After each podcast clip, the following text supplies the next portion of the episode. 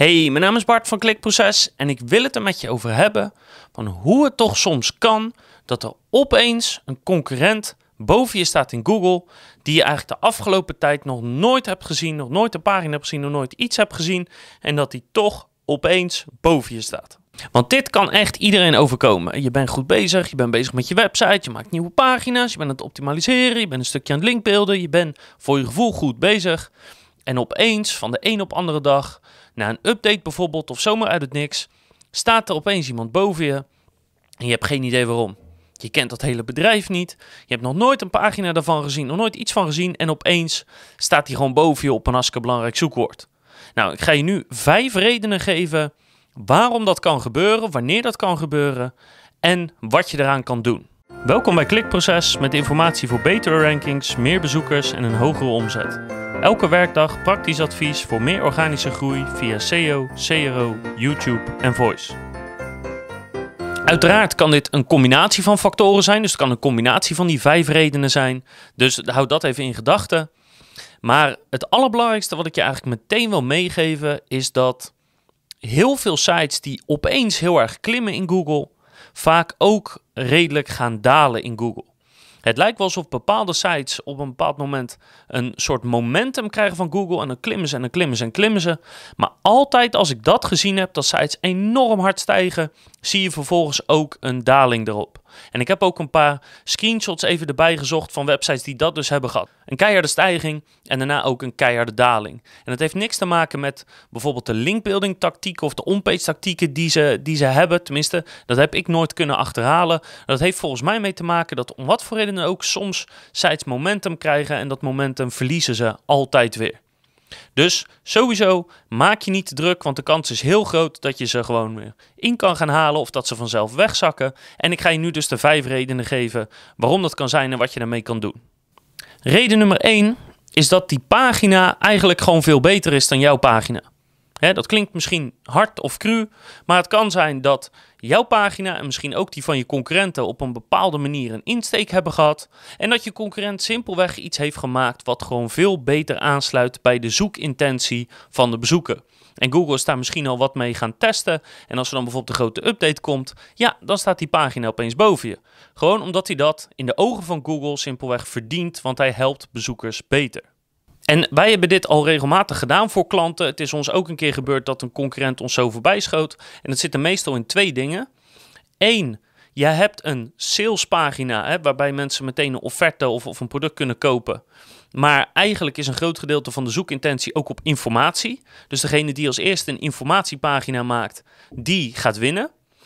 Of alles wat er nu staat is wel informatie, maar het is vrij beknopt en oppervlakkig. En iemand maakt echt een super goede, diepgaande informatiepagina erover. Die gewoon veel beter is, veel betere informatie geeft, veel duidelijkere informatie geeft, veel meer informatie geeft.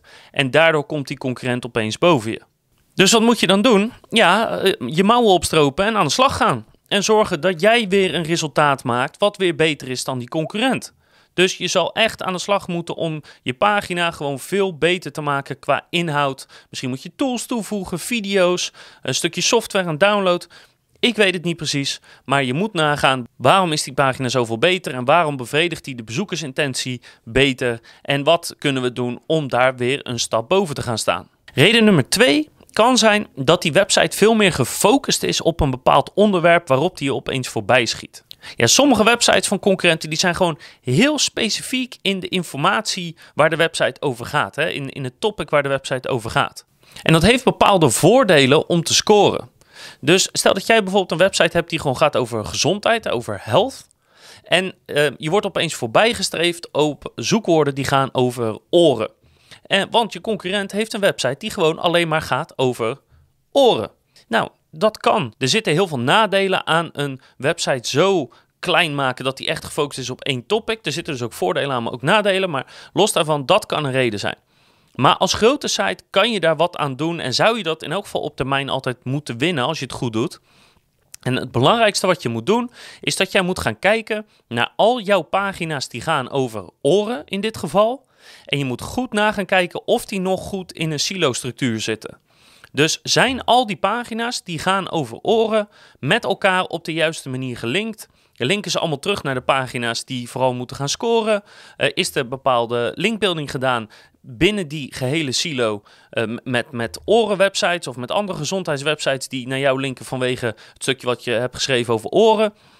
Dus heb je eigenlijk een goede mini-site gemaakt qua structuur binnen je gehele site.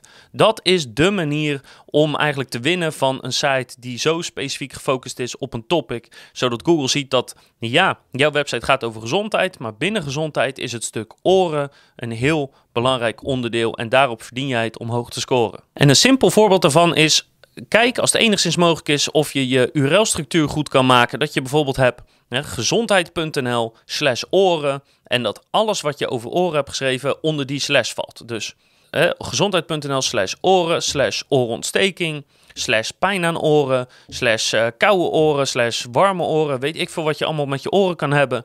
Maar dat het in de URL-structuur duidelijk is dat al die pagina's onder de slash oren of slash oren vallen. En dat je dat ook nog eens intern linkt. En dat is zeg maar zo goed als je het zo'n beetje kan maken. En omdat je site veel groter is en als het goed is veel meer backlinks krijgt en voor veel meer topics goed scoort in Google, moet je het dan op termijn altijd weer gaan winnen. Maar het kan wel een vervelend probleem zijn. Het grote probleem voor de kleine websites zijn altijd de, de grote, hè, de bol.com en de coolblues. Maar andersom, het probleem voor de coolblues en de bol.com zijn dus ook altijd die kleine, hele specifieke sites die allemaal een paar zoekwoorden wegpakken. Dus goede silo-structuur maken. Wat ook een belangrijke reden kan zijn, is dat de website van je concurrent heel erg is gegroeid in omvang. Dus in het aantal pagina's, in het aantal zoekwoorden wat ze beslaan, in het aantal backlinks wat ze krijgen, dat er gewoon een bepaalde content- en linkbuilding machine achter zit, die ervoor zorgt dat die site is gaan groeien en gaan groeien, dat ze goed interne linken hebben toegevoegd, dat ze goed met hun enkelteksten omgaan. Waardoor het lijkt alsof die site gewoon opeens scoort. Maar eigenlijk is het niet zo. Ze hebben gewoon opeens een pagina gemaakt over jouw onderwerp. En omdat die site momentum heeft en hard groeit, pakt die dat onderwerp ook opeens mee. Dus jouw to-doetje in dat geval is zorg dat je mee blijft groeien met die concurrenten. Laat je niet verslaan door iemand die gewoon meer goede content produceert, die zorgt voor meer backlinks. Dus kijkt hoe groeit mijn concurrent? Uh, groeit hij in pagina's? Groeit hij in backlinks? Groeit hij door de zijn interne silo-structuur opnieuw uh, op te zetten? En zorg ervoor dat je meegroeit. Dat is eigenlijk het enige wat je hoeft te doen. En dan zal je op termijn zal die concurrent weer voorbij streven. Reden nummer vier is dat die website flink bezig is met linkbuilding. En dat is soms lastig om te zien, omdat je dat niet aan de voorkant van de site ziet. Je ziet geen pagina's erbij komen, je ziet misschien helemaal niks veranderen qua interne linken, qua afbeeldingen, qua video's. Alles lijkt hetzelfde. En toch groeit die site hard in Google. Dan zit dat waarschijnlijk in de linkbuilding. Ja, en dan is het gevolg eigenlijk vrij simpel. Um, je concurrent krijgt uh, veel en goede en relevante backlinks binnen en jij niet. En dat is dan het probleem. Nou, hoe je daarachter komt is eigenlijk via een backlink checker. Dus wij gebruiken Ahrefs bijvoorbeeld, maar er zijn ook een aantal gratis backlinks checkers. En daarin kan je zien of je concurrent groeit qua backlinks en wat voor soort backlinks ze dan precies krijgen. En vanuit welke websites ze een, een link hebben geregeld. Ja, en eigenlijk is jouw missie heel simpel. Ja, je moet dat gaan matchen. Dus je moet ervoor zorgen dat jij ook gaat linkbeelden. Dat jij ook vanuit goede, sterke, relevante domeinen een link krijgt. En dat kunnen dezelfde zijn als je concurrent. Maar het liefst pak je en dezelfde als je concurrent. Maar ja, doe je iets extra's, doe je iets meer om aan Google aan te tonen van kijk, onze site is uh, populairder, heeft meer autoriteit, is relevanter op dit onderwerp. Dus zorg ervoor dat je niet achterblijft als het gaat om linkbuilding, want dat is op termijn wordt het steeds moeilijker om in te halen. Het kan ook zo zijn dat je concurrent gewoon simpelweg een andere concurrent heeft overgekocht en die hele website in één keer pats heeft doorgestuurd naar zijn website. Dan kan je in één keer ook een gigantische boost krijgen. Uh, maar ook dat gaat betekenen dat je concurrent in feite een stuk markt heeft gekocht, maar ook daarmee een stuk linkbuilding heeft gekocht. Dus je zal aan de slag moeten. Dus als je een concurrent ziet die wel hard groeit, maar waarbij je eigenlijk op de site zelf nooit echt iets ziet veranderen, je ziet nooit pagina's erbij komen of iets, dan is de kans al groot dat linkbuilding de oorzaak is en er is maar één oplossing, je moet er ook mee aan de slag. En de vijfde reden is dat je concurrent een grote technische update heeft gedaan. Dat zie je wel vaker als concurrenten bijvoorbeeld van Magento 1 naar Magento 2 gaan of op een andere manier migreren van ene platform naar het andere. Nou, daarvan kan je helemaal failliet gaan, zoals ik al een keer in een video heb gezegd. Maar het kan je ook heel erg helpen als jouw vorige shop niet goed was en je nieuwe shop is wel goed of veel beter. dus uh, bijvoorbeeld dat je in je vorige shop niet de goede H1'tjes had, of de goede H2'tjes op je pagina's had, of dat de afbeeldingen niet goed laden, of dat je er geen afbeeldingen in kon zetten. Dat eigenlijk de website of shop van je concurrent voorheen gewoon maar heel beperkt was, eigenlijk maar op 50% rijden. En nu op hun nieuwe platform of met die grote update kunnen ze hun techniek wel goed inzetten. En daardoor gaat Google ze opeens in één keer belonen. Dus in feite zat je tegen een concurrent op te boksen die maar met één been een race probeerde te rennen. En het is moeilijk te bepalen wat die concurrent dan precies heeft veranderd. Tenminste, ik kan het niet zo algemeen vertellen. Jij kan er waarschijnlijk wel achter komen.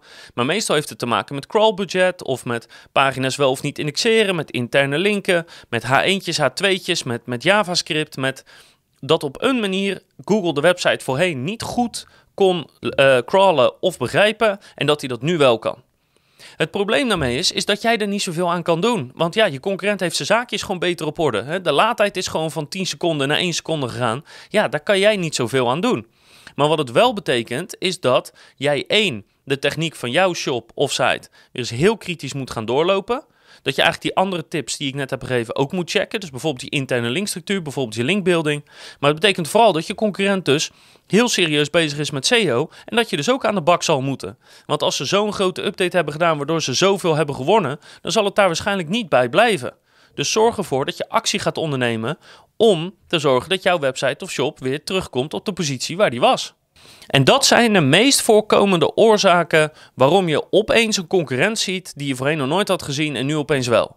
Dus meestal is die concurrent gewoon al heel goed bezig, maar heb je dat nog nooit gezien of is het nog nooit opgevallen? Of zijn ze pas net een soort op jouw zoekwoorden ook aan het inzetten, maar het komt bijna nooit zomaar uit de lucht vallen. En het betekent gewoon dat je aan de bak moet, dat je je SEO moet verbeteren, dat je kritisch moet zijn op je site, op je content, op je linkbuilding, aan de slag moet. En op termijn komt het dan eigenlijk altijd vanzelf goed. Ik wens je in elk geval heel veel succes daarmee. Weet dat dit heel vaak voorkomt. Bijna al onze klanten hebben wel een moment gehad dat ze dachten, huh, wat gaat die concurrent ons opeens voorbij? Uh, wat moeten we gaan doen? Maar als je gewoon geen paniek hebt, zorg dat je consistent blijft werken aan je site of shop, dan komt het op termijn altijd goed. Succes! En ik hoop dat je de volgende keer weer kijkt, luistert of leest. Heb ik nog veel meer advies voor je op het gebied van SEO, YouTube, conversieoptimalisatie en voice.